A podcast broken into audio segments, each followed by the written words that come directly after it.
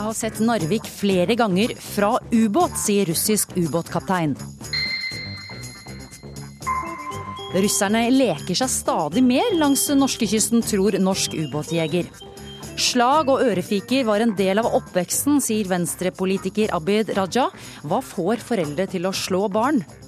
Og prompende baby i reklamefilm for dåp vekker oppsikt. Jo, store dag i dag. Åh, jeg kjenner jeg har litt nervøs i mage. Som en ungdomsprest med capsen bak frem, som desperat prøver å være kul, sier kommentator. God lørdag, jeg heter Ingvild Edvardsen og sparker herved i gang ukeslutt. I denne sendingen skal vi også møte eldre som synes det er en dårlig idé å gi pleierne ansvaret for musikalske innslag på gamlehjem. En, to, tre. Alle fugler små de er,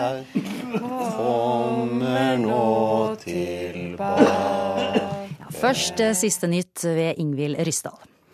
Russland må endre sin oppførsel i Ukraina for at forholdet mellom Norge og Russland skal bedre seg. Det sier statsminister Erna Solberg, som er med på 70-årsmarkeringa av frigjøringa av Finnmark i dag. Utenriksminister Børge Brende og hans russiske kollega Sergej Lavrov er også med på markeringa i Kirkenes. De skal møte pressa om litt, og siste nytt derifra får du her i Ukeslutt. Over 40 personer er satt i karantene etter at en toåring mista livet av ebola i Mali i går. Ifølge BBC var jenta på en over 1000 km lang busstur fra Guinea til byen Case vest i landet før hun døde. Jentas mor døde av ebola i Guinea for noen uker siden, og toåringen skulle til Mali for å bo med slektninger. Mali er det sjette landet i Vest-Afrika som er ramma av det dødelige viruset. Ei 26 år gammel kvinne ble henretta i Iran i dag for å ha drept en tidligere etterretningsoffiser. Hun sa det var i selvforsvar fordi mannen prøvde å voldta henne. Det ble starta en internasjonal kampanje på Facebook og Twitter for å gi kvinna nåde, men protestene nådde ikke fram. Flere oppsøker nå sosialkontorene for å få hjelp til å betale husleia. I Rogaland har utgiftene til sosialhjelp gått opp både i Sandnes, Stavanger og i Haugesund. Det som, det som blir utbetalt i trygd, holder ikke tritt med prisene på boligmarkedet. Det sier lederen for Nav i Sandnes, som er mest bekymra for barnefamiliene. Og spansk er det mest populære fremmedspråket i skolen, det skriver forskning.no. 35% av ungdomsskoleelevene velger spansk, og sju av ti tror de får bruk for språket i jobbsammenheng. Men ifølge nettstedet er det tyskkunnskaper norske bedrifter etterspør. Og nå holder ukeslutt fram.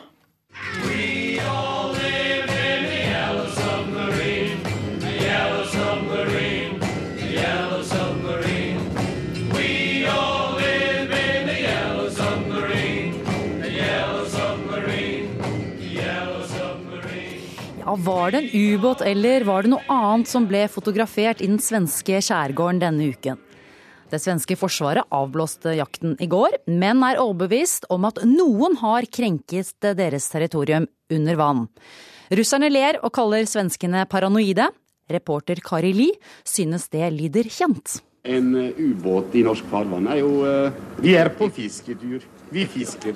Humorklassikeren om den russiske ubåtkapteinen som tuller og ler, og som mangler fullstendig respekt for andre lands territorialgrenser, ble igjen aktuell denne uka. Vi fisker jo innenfor den norsk fiskerigrensen, hva? Det er straffbart, ikke sant? Vi kan jo ikke se den grensen under vann. Det er i rett og slett for jævlig. For det var slik manglende respekt for grenser svenskene mistenkte noen for da de slo full alarm om undervannsaktivitet. Jeg skal berette at den marine underrettsoperasjonen som gjennomføres i Stockholms skjærgård nå i sju dager, er nå i hovedsak avsluttet. Men i går ga de opp jakten. Vi bedømmer i dag at den eller de enheter hvilke vi gjennom allmennhetens og våre egne observasjoner kunnet følge nå, har lemnet området. Så hva skal vi tro nå? Var det en miniubåt som fikk trøbbel i den svenske skjærgården, eller var det bare, som russerne hevder, svensk paranoia? Du er veldig gira på første turen. Så går tiden, og det ingenting skjer. Du har ingen kontakt. Det regner uavbrutt, og alt i Oslofjorden ser grått ut. Tidligere Orion-navigatør Harald Håvold pleide å speide etter ørsmå periskop da han lette etter ubåter fra lufta. Du vet at den ubåten, hvis det er en, en ubåt der nede, har alle fordelene. For, en, eh, for, vannforholdene i fjorder og topografien og alt spiller på lag med ubåten, og ikke på ditt lag. Og da å bruke tid og krefter og sensorer og uh, ressurser over flere dager uten å, uten å oppdage noe, uten å få noe tilbake for det, det er frustrerende. Egentlig. Håvold husker flere søk i norske fjorder på 80-tallet. Vi spekulerte på dette under kalde krigen, altså, om det kunne være altså, gitt en type Om det skulle bli en type atomkrig eller en begrensa atomkrig mellom, eh, mellom, Sovjet og Nato, eller helst USA og, og Sovjet og at en russisk atomubåt med atomraketter fyrte sine raketter fra norsk territorium i en norsk fjord. Og selv om de ikke fant noen fremmed ubåt, er han overbevist om at russiske undervannsfartøy besøker oss jevnlig. Og det er en såre enkel sak, vil jeg si, for hvilken som helst ubåt fra hvilket som helst land å ta seg en tur inn i en norsk fjord og ut igjen, så lenge han går neddykket. For det finnes da ikke normalt noen uh, sensorer, noen uh, fartøyer eller, eller, plattformer til stede for å overvåke dette. Dette vil bli altfor dyrt. Om det er så at det virkelig smeller til Aftonbladets journalist i den svenske skjærgården lurer på hvordan det vil merkes dersom det svenske forsvaret treffer på en fremmed ubåt. Vi skulle framfor alt høre en våpeninnsats. Uh, og er det sjunkbomber, det høres jo ordentlig. altså. Er det en torpedinnsats så, så hører vi nog den også om den eh, eksploderer og treffer sitt mål. altså. Se her, ja. Det er den som var rommet. Pensjonist Jakob Børresen smyger hjemmevant ned på en smal, rød benk. De gråmalte veggene er bua, mangler vinduer, og det er mer klaustrofobisk enn på bussen. Børresen har tilbrakt mye tid her, som nestkommanderende på militærubåten Utstein. Uh Ekko peiling 247 eh, trekker eh, høyre. Han har fortsatt sjargongen inne, for på 80-tallet måtte Børresen stadig rykke ut etter tips om ubåter. Og da hadde jeg med meg sånne plansjer da, som eh, viste forskjellige ting. Eh, eh, tårn- og, og mastekonfigurasjon på forskjellige typer undervannsbåter en kjøkkenbenk, eh, en eh, staurhval, altså en, en eh, spekkhogger, som har den der store ryggfinnen. En dag ringte de ansatte fra pauserommet på et sykehjem i Kvæfjord. Ja, nei, nå dykket ubåten. Um, nå kom den opp igjen. Og vi hadde jo da to fregatter som lå bare en halvtime seilas lenger nord i fjorden. Så vi ga melding til dem og sendte dem inn, og det var jo kjempespennende. Jeg var på telefonen med disse jentene da og, og, og, i radiokontakt med fregatten. Det viste seg at det de trodde var et periskop, var en skarv. Som da, Og det så helt ut som et periskop. altså. Så ringte en mann som hadde flydd alene over Løddingen. Han sier så flyr han rom rett over og ser en svær undervannsbåt altså, som da er i ferd med å gå ned, og han ser radarantennen plaske et par ganger i, i vannskorpen før den forsvinner ned. Og jeg er jo da overbevist om at dette var, er et konkret eksempel på at det har vært i dette, en fremmed undervannsbåt i dette området. Det at man ikke kan vise fram ubåten, da, eller si at 'her er den, ja. vi tok den', mm. hadde ikke det vært tilfredsstillende? Ja, for oss kanskje på sett og vis så hadde det vært en blomst i knapphullet. Men jeg er ikke sikker på om uh, forsvarsministeren og regjeringen hadde vært så veldig happy. Altså, vi er ikke tjent med at ting settes på spissen. Vi er ikke tjent med f.eks. å utfordre uh, sovjetisk prestisje. Den sovjetiske ubåten har grunnstøtt langt inne i svensk territorialfarvann, faktisk helt innerst i skjærgården. I 1981 gikk en gigantisk russisk atomubåt på grunn utenfor Karlskrona. Der sto ubåten, dieselubåten Whisky-klassen, som Nato kalte den for, på skjærene og ble straks til Whisky on the Rocks. NRKs tidligere korrespondent Hans-Wilhelm Steinfeld husker godt hvordan russiske myndigheter tok det. Han hadde jo naturligvis eksponert meget pinlig Kreml-ledelsen, som i ukevis hadde raljert med Sverige og ironisert med det de mente var svensk paranoia, fordi svenskene jaktet stadig på ubåter den gangen. Eh, dette stilnet jo brått. Også denne uka har svenskene fått høre at russerne synes de er paranoide, og at de leter etter en spøkelsesbåt. Selv om det altså fins bevis på at russerne var i den svenske skjærgården med ubåt under den kalde krigen. Men var de i Norge? Ja, det er jo sånn at uh, Narvik kommune har en vennskapsby. Året er 2005, og den kalde krigen er over. Tidligere ordfører i Narvik, Olav Sigurd Alstad, er i vennskapsbyen Kingisepp og blir presentert for en russisk ubåtkaptein som sier han har sett Narvik, men ikke vært der. Så sa jeg, hører du har sett Narvik? Ja da, sa han, jeg har uh, sett Narvik flere ganger. Ja, hvordan har du sett? Jo, sa han, jeg var kaptein på en ubåt, og vi var flere ganger inn i Ofotfjorden. Og eh, vi hadde til å se i en av fjordene i Tysfjord, der vi lå under ei berghylle. Eh, så spurte han så det kan vel kalles for spionasje her? Ja, det kan vel det, sa han. Her er byssa av provianten, da. Flaggkommandør Jakob Børresen viser ubåtens minikjøkken. Her måtte det være nok mat til at mannskapet kunne holde ut i tre uker under vann. Tror du russiske ubåter eh, leker seg i den norske eh, kystlinja nå? Ja, det tror jeg. Altså, jeg tror det svenskene opplever nå i skjærgården, det er liksom et tegn på normalitet. Og jeg tror også at russisk undervannsbåtaktivitet på norskkysten har tatt seg opp eh, de siste, de siste, årene. I takt med den økningen vi har sett eh, med flyvninger utenfor norskekysten og, og fartøyspasseringer, ubåtpasseringer.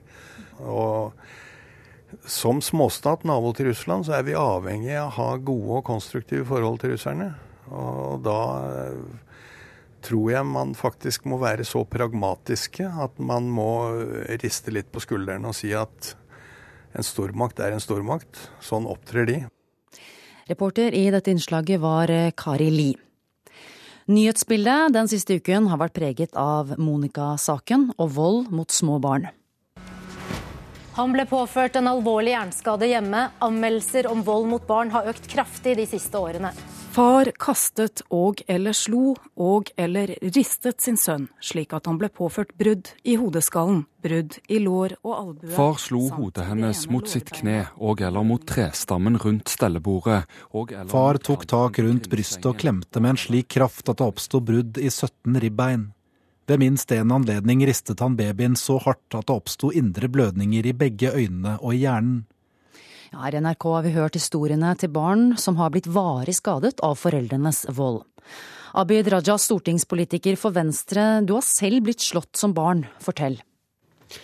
Ja, jeg har vært utsatt for eh, det som man i dag kaller for oppdragervold. Altså man eh, som ledd i oppdragelsen eh, er eh, ja, veldig raus med ørefikene og, og slagene og osv. Og, eh, og hensikten da til mange foreldre som bruker vold i oppdragelsen, er å De tror da at det endrer atferd, og det gjør det jo for så vidt der og da også, men uh, man ser heller ikke konsekvensene av den, den voldsbiten. Hva gjorde det med deg som liten gutt å bli utsatt for vold? Det var jo vondt, det var ikke noe moro. Eh, og jeg protesterte jo, men det hjalp jo ikke. Eh, og eh, på et tidspunkt så tok jeg jo et oppgjør med det og kontaktet barnevernet og flytta ut. Så ble det inngått en kontrakt med foreldrene, så at de sluttet å slå. Og så flyttet jeg liksom hjem igjen. Så, men det er Mine foreldre de slo jo av frustrasjon, av sinne. I, og hvis du spør de i dag, så de mener jo det var jo velment. Det var jo i det godes hensikt. Det var jo, det var jo Det måtte jo oppdras. For jeg gjorde jo da ting som jo jeg lystret jo ikke på det mine foreldre sa. Og, da var det jo, og det var slik de selv hadde blitt oppdratt, og de hadde jo ikke tatt noen skade av det. Så da var det jo helt greit at du også ble oppdratt slik. Eh, og det, og det er også det, det, er det, det er det jeg ser mangler hos mange innvandrerforeldre. Særlig hos de, men også hos andre foreldre. Det er kunnskapen om hva vold gjør med barn. Du, når, du, når foreldrene skjønner at det å slå barna skader barns selvbilde, selvfølelse, deres evne til lærekonsentrasjon, altså gjør det dårligere på skolen, rett og slett, eller deres forhold til autoriteter osv. Når de vil skjønne at det å slå sitt eget barn er egentlig skadelig for barnet. Eh, ikke, du gjør ikke barnet noe tjeneste. Tvert om så tror jeg veldig mange også vil evne å endre atferd. Ikke bare det som skal til, men det må også til. Ingunn Askeland, du er forsker ved Nasjonalt kunnskapssenter for vold og traumatisk stress og kan mye om voldsutøvere. Hva vet man om hvorfor foreldre slår barna sine? Det er mange ulike grunner, selvfølgelig. En del av det er jo det som du nå snakker om, Abid. Det er litt mer sånn eh, her og nå-perspektivet. At man vil oppnå noe, ganske sånn instrumentelt. Man vil lære barnet noe, eller få slutt på en type atferd. Oppdra, da. Um, det kan også være sånne ting som at man er sliten. At man, man, tåler mindre, setter en grense, føler at barnet eh, på en eller annen måte utfordrer deg, eller eh, at du blir sint. da. 'Dette finner jeg meg ikke i', som, som, handler mer om sånn her og nå-årsaker. Eh, og så har man bakgrunnsfaktorer som man vet gjør folk mer sårbare for f.eks. å utøve vold. Det er jo ikke sånn at alle som blir utsatt for vold, utøver vold. Heldigvis. heldigvis. Mm, mm. sånn som du er et godt eksempel på. Det er ikke sånn, men hvis du snur på det Hvis du ikke tenker sånn Alle som utsettes for vold, de utvikler seg forskjellig. Mm. Noen eh, blir selv utøvere som voksne eller utsatt. Og noen gjør det ikke. Men hvis du ser på de som utøver vold som voksne, så er det helt klart at i den gruppen der du, Og det å utøve vold er jo ikke én ting. Det går fra den litt mildere, den dask, til grov fysisk mishandling som kan ende med død. I det spekteret der så er det klart at de som, i hvert fall de som utøver grov vold, de har nesten alltid en veldig, veldig dårlig oppvekst. Og her er det snakk om eh, prosesser som skjer oppi hodet også. Endringer i hjernen? Hjernen vår er på en måte det verktøyet vi er født med. Alle erfaringer blir på en måte lagret der. Hvis du tenker litt enkelt på det, så er det jo sånn at eh, hvis man lever i konstant beredskap, så, så, på en måte blir hjernen litt sånn overopphetet. da, ikke sant? Som voksen kan man også gå inn i den tilstanden, og det gjør at man er sårbar for f.eks. å utagere. Som en sånn type forsvar, hvis man føler seg truet eller redd. Eller. Mm. Abid Raja, hvor langt skritt er det å gå fra en ørefik eh, i såkalt oppdragelsesøyemed til å begå mer alvorlig vold som forelder, tror du? Jo, jeg har sett dette Jeg har jobbet tidligere som advokat eh, og, og, og hatt en del saker hvor man har sett eh, altså, virkelig grov vold. Altså shaken baby, altså, altså hvor hvor barn får eh, store hjerneskader osv. Eh, det, det, man, det jeg liksom sitter igjen som erfaring etter mange av de sakene, og også lest. og Jeg har også kone som har jobbet med voldsproblematikk eh, som psykolog. og det, det, er veldig fort gjort å, å, gå fra en ørefik. Altså Når man starter den der fysiske oppdragelsen. Å gå fra og, og, foreldre skal selvfølgelig oppdra sine barn. Vi må irettesette barn. Det, altså jeg, jeg, har barn selv. Må ta, vi må ta alvorsprat med unger. Men jeg, er veldig redd for at den debatten vi har hatt i samfunnet, hvor noen sier ja, men ørefik, det må jo være greit. Litt eh, dask på rumpa, det må jo være greit.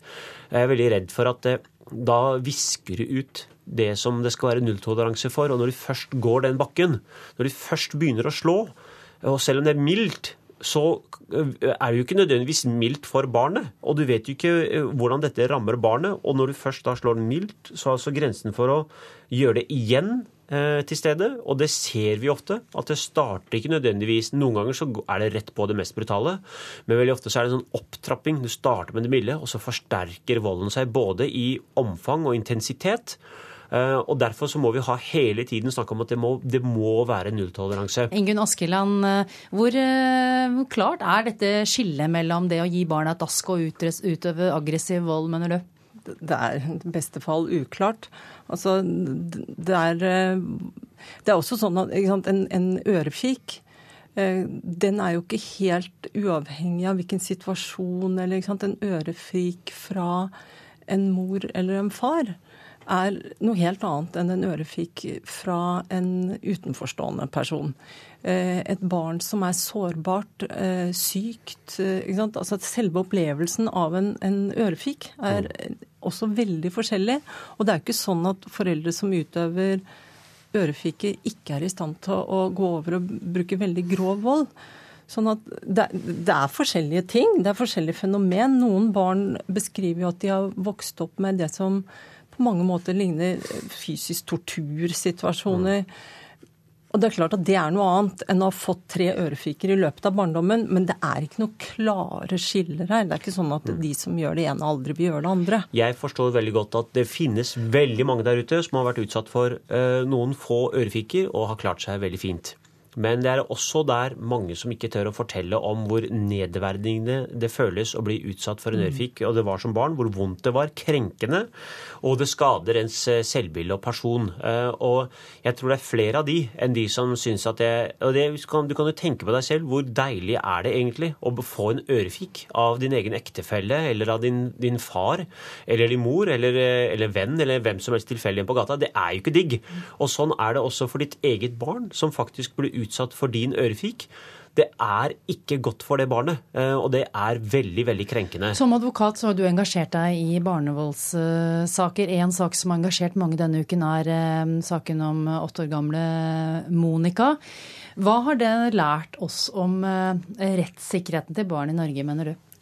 Jeg tror dessverre at eh, jo svakere du er i Norge, jo dårligere rettssikkerhet har du også. Og barn som gruppe er også et svak gruppe som ofte ikke blir sett. Verken på man, man, man, ser det ofte i skolen. Eh, lærerne sier her må det jo være noe galt, men man varsler ikke inn fordi at man føler det er litt vanskelig overfor foreldrene. Så kommer saken til politiet, og når det først kommer til politiet, så tenker mange ikke på at ja, men her kan det faktisk være snakk om så grov vold. Eh, det er ikke tilfeldig at eh, personen har bare ramlet ned fra stellebordet, men eh, innimellom så kan man være på jakt etter å finne naturlige forklaringer på de skadene som har skjedd, enn å tenke det verste om foreldrene.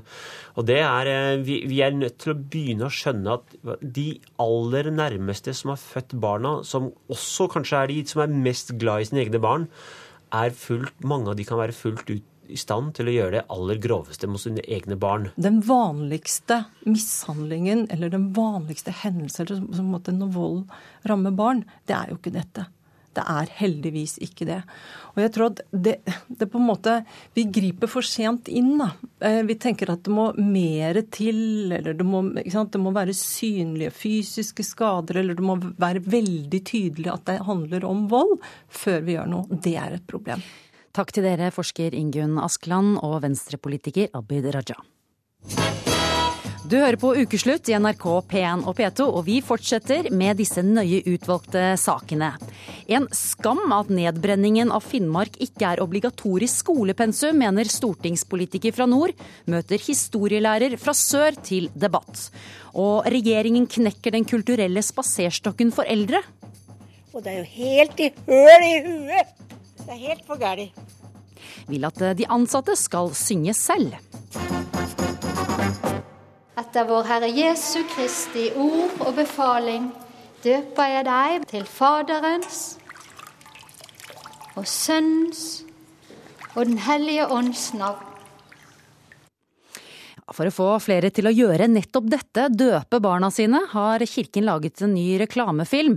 Der møter vi en rappende baby med hettegenser, voksenmunn og mørk stemme. Hør på dette.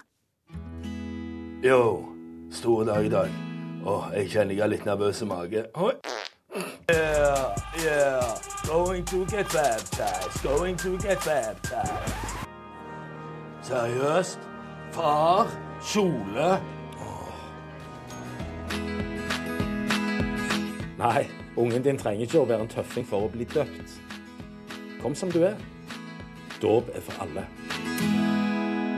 Ja, Vil babyen som både promper og klager over at han må ha på dåpskjole, lokke flere til døpefonten? Ane Bamble Kjellhaug, du er skribent i Vårt Land, og du tror ikke det. Hva er problemet med denne videoen? Den fremstår som et uh, litt krampaktig forsøk på å være kul. Uh, omtrent som en uh, litt godt, altså en godt voksen prest som tar capsen bak fram og Eh, og insisterer på at Jesus er dødskul.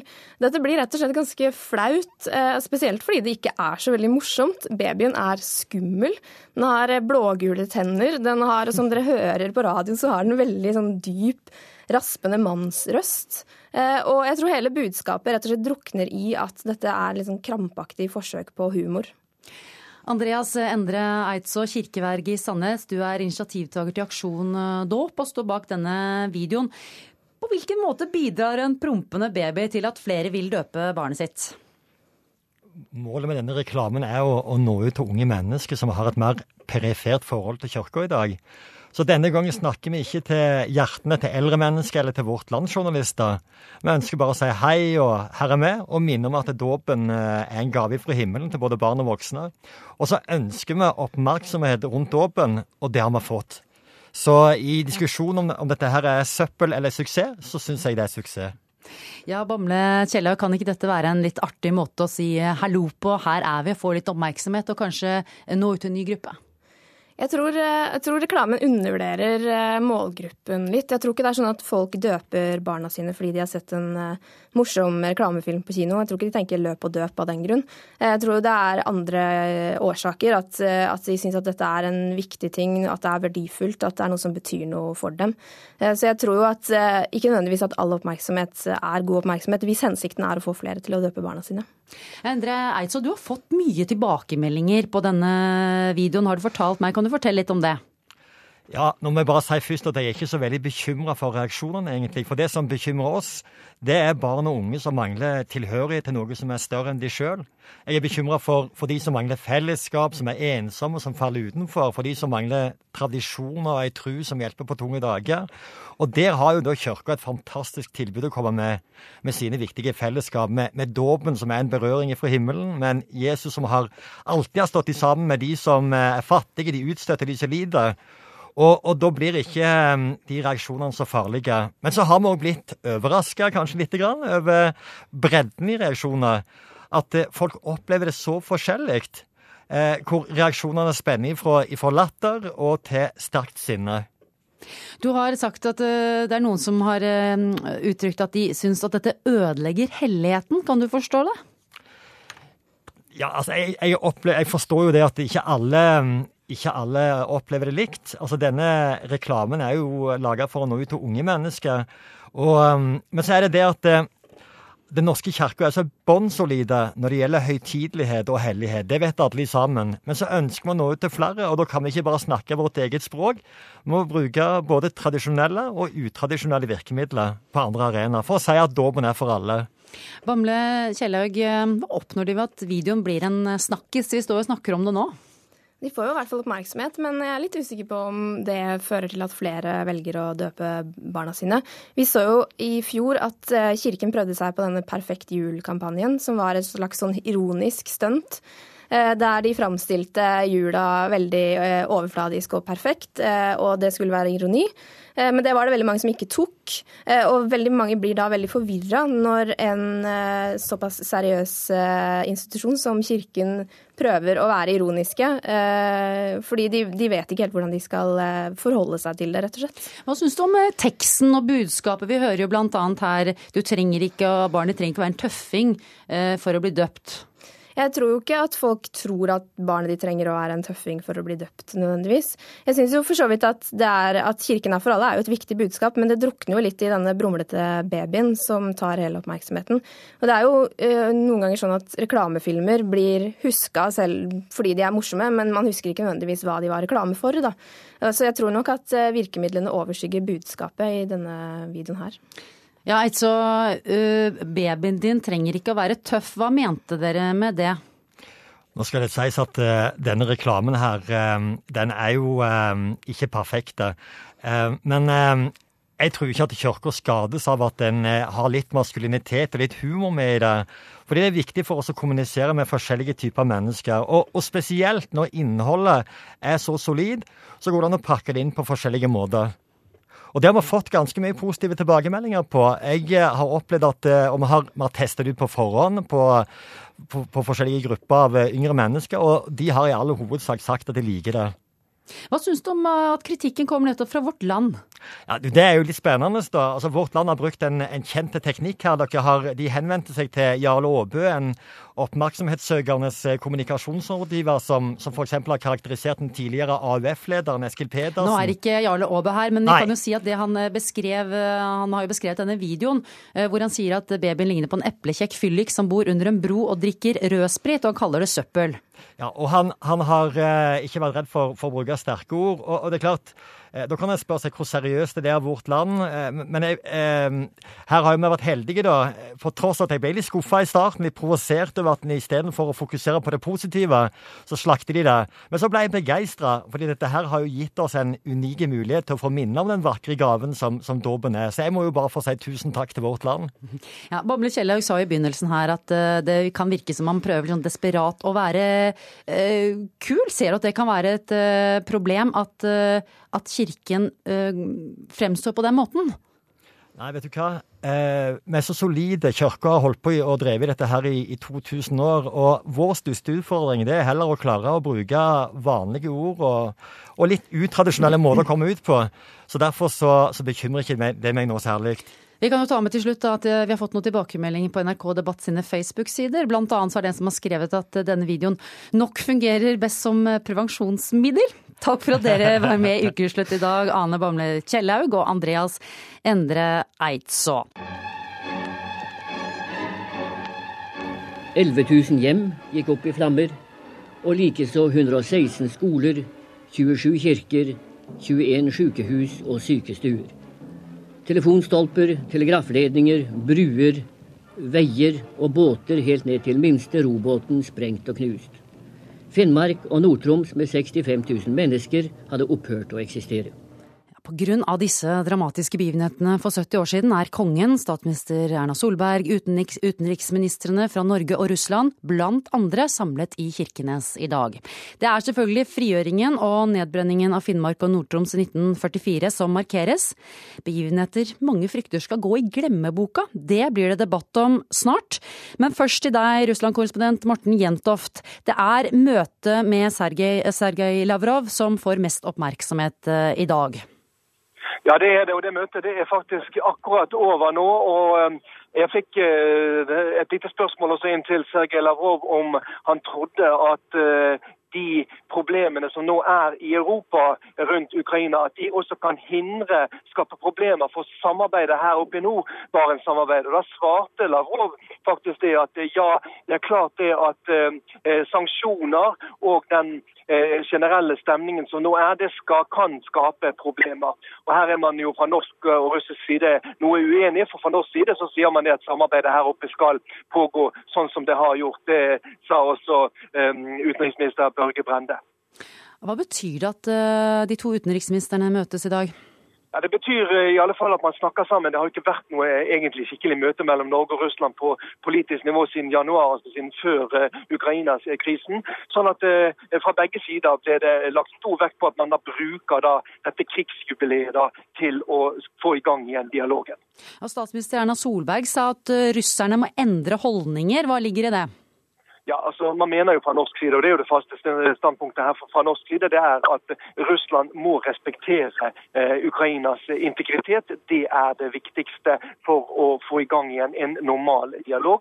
Fra russisk side så sa utenriksminister eh, Sergej Lavrov for noen minutter siden ja, eh, vi kommer også til å jobbe for fred i Ukraina. Vi støtter da den våpenhvileavtalen som er inngått mellom separatistene og regjeringen i Kiev i, Kiev, i Minsk 5. 5. September. Sånn at fra russisk side så mener man at man da gjør nok da for å, for å, eller gjør det man kan da for å få til en fred i Ukraina. Men her er man uenig på norsk og, norsk og russisk side. Takk til deg, Morten Jentoft. Og her i Ukeslutt skal vi holde oss til tvangsevakueringen av Finnmark og Nord-Troms. Flere frykter at den dramatiske historien blir glemt, fordi nedbrenningen ikke lenger er en obligatorisk del av pensum i grunnskolen. Kåre Simensen, stortingsrepresentant for Arbeiderpartiet. Din familie ble selv rammet for 70 år siden. Hvordan da? Nettopp fordi at de var eh, beboere i Alta kommune, og Alta kommune er en del av Finnmark. Og eh, som vi hørte i innledninga, så ble de fleste som bodde i Finnmark, drevet på flukt. De måtte forlate sine hjem. Alt det de måtte ha. De eh, reis, måtte reise med under kummerlige forhold med båt.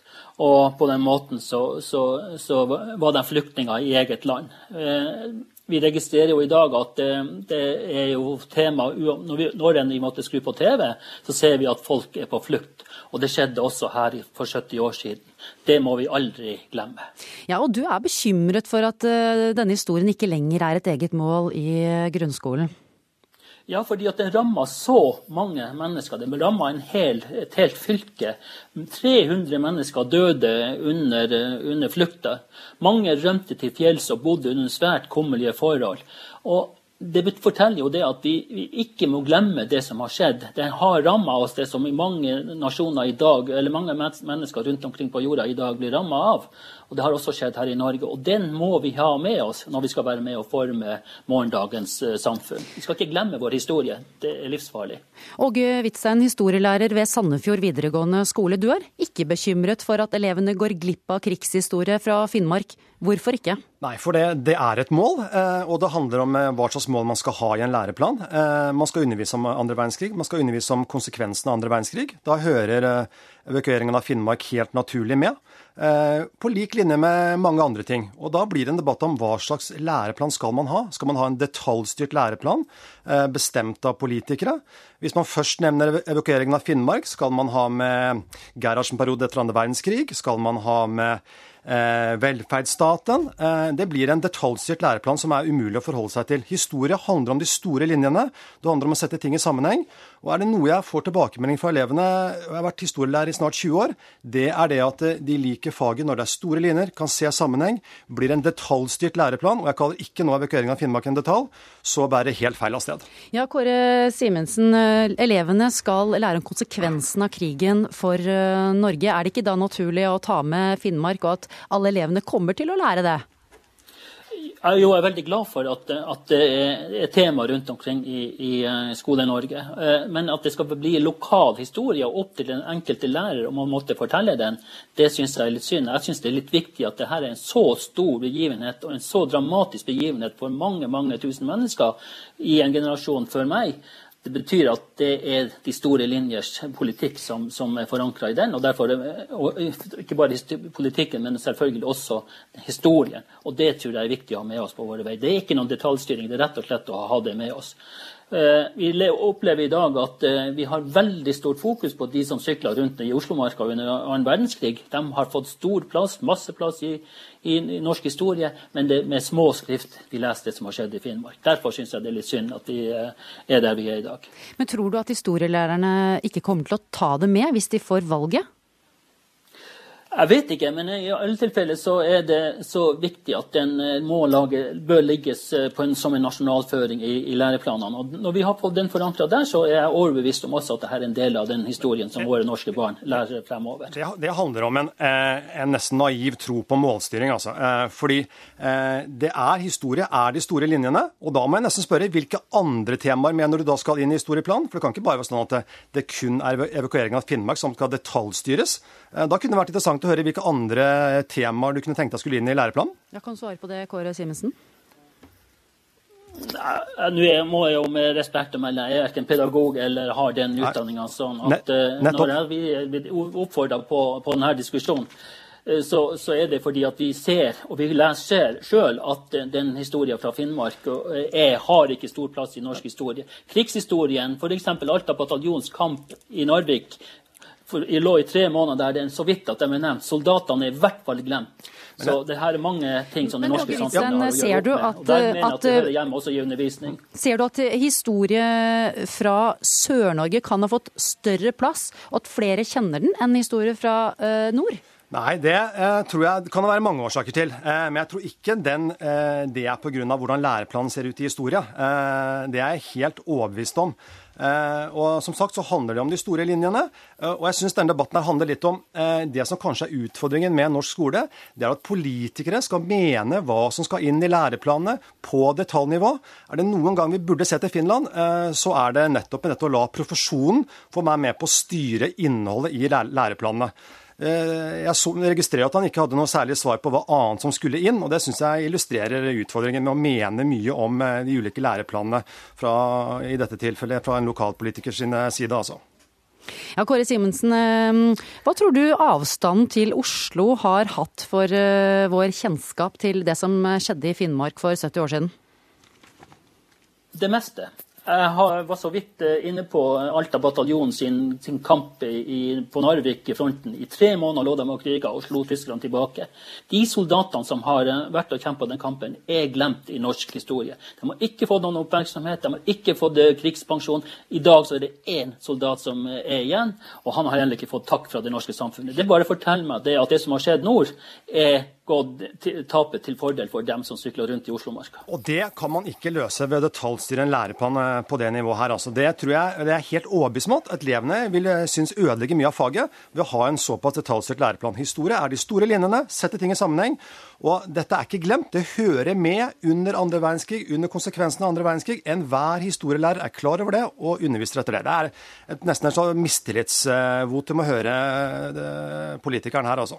Det syns jeg jo, ja, unnskyld, det er jo litt synd at han oppfatter meg som at det er mistillit til lærerstanden. Det er det så slett ikke. Jeg ønsker at denne debatten skal på dagsorden. Vi har alle en, et ansvar for å få det på, på dagsorden og skape en debatt i samfunnet om de store linjene og de store tingene som skjedde også her i vår landsdel. Snakker du om en annen læreplan. Da snakker du om en helt annen detaljstyrt læreplan. For det kan ikke bare være evakuering av Finnmark som da skal inn. Nei, selvfølgelig ikke. Det er jo selvfølgelig mye som hører hjemme der, men Finnmark og det, det som skjer der oppe, har så stor plass at den bør frem. Ja, ok, Da får vi avslutte denne debatten. Takk for at dere var med i Ukeslutt, historielærer Åge Hvitstein og stortingsrepresentant for Arbeiderpartiet Kåre Simensen. Vi minner om at du kan høre Ukeslutt i reprise i Alltid nyheter klokken 16. Laste programmet ned som podkast, eller høre det på NRKs nettsider. Og jeg minner også om at vi er tilbake om en uke. Ansvarlig for denne sendingen var Gry Veiby. Teknisk ansvarlig Eli Kyrkjebø. Skript var Oda Holm Gulbrandsen. Jeg heter Ingvild Edvardsen. Ha det bra.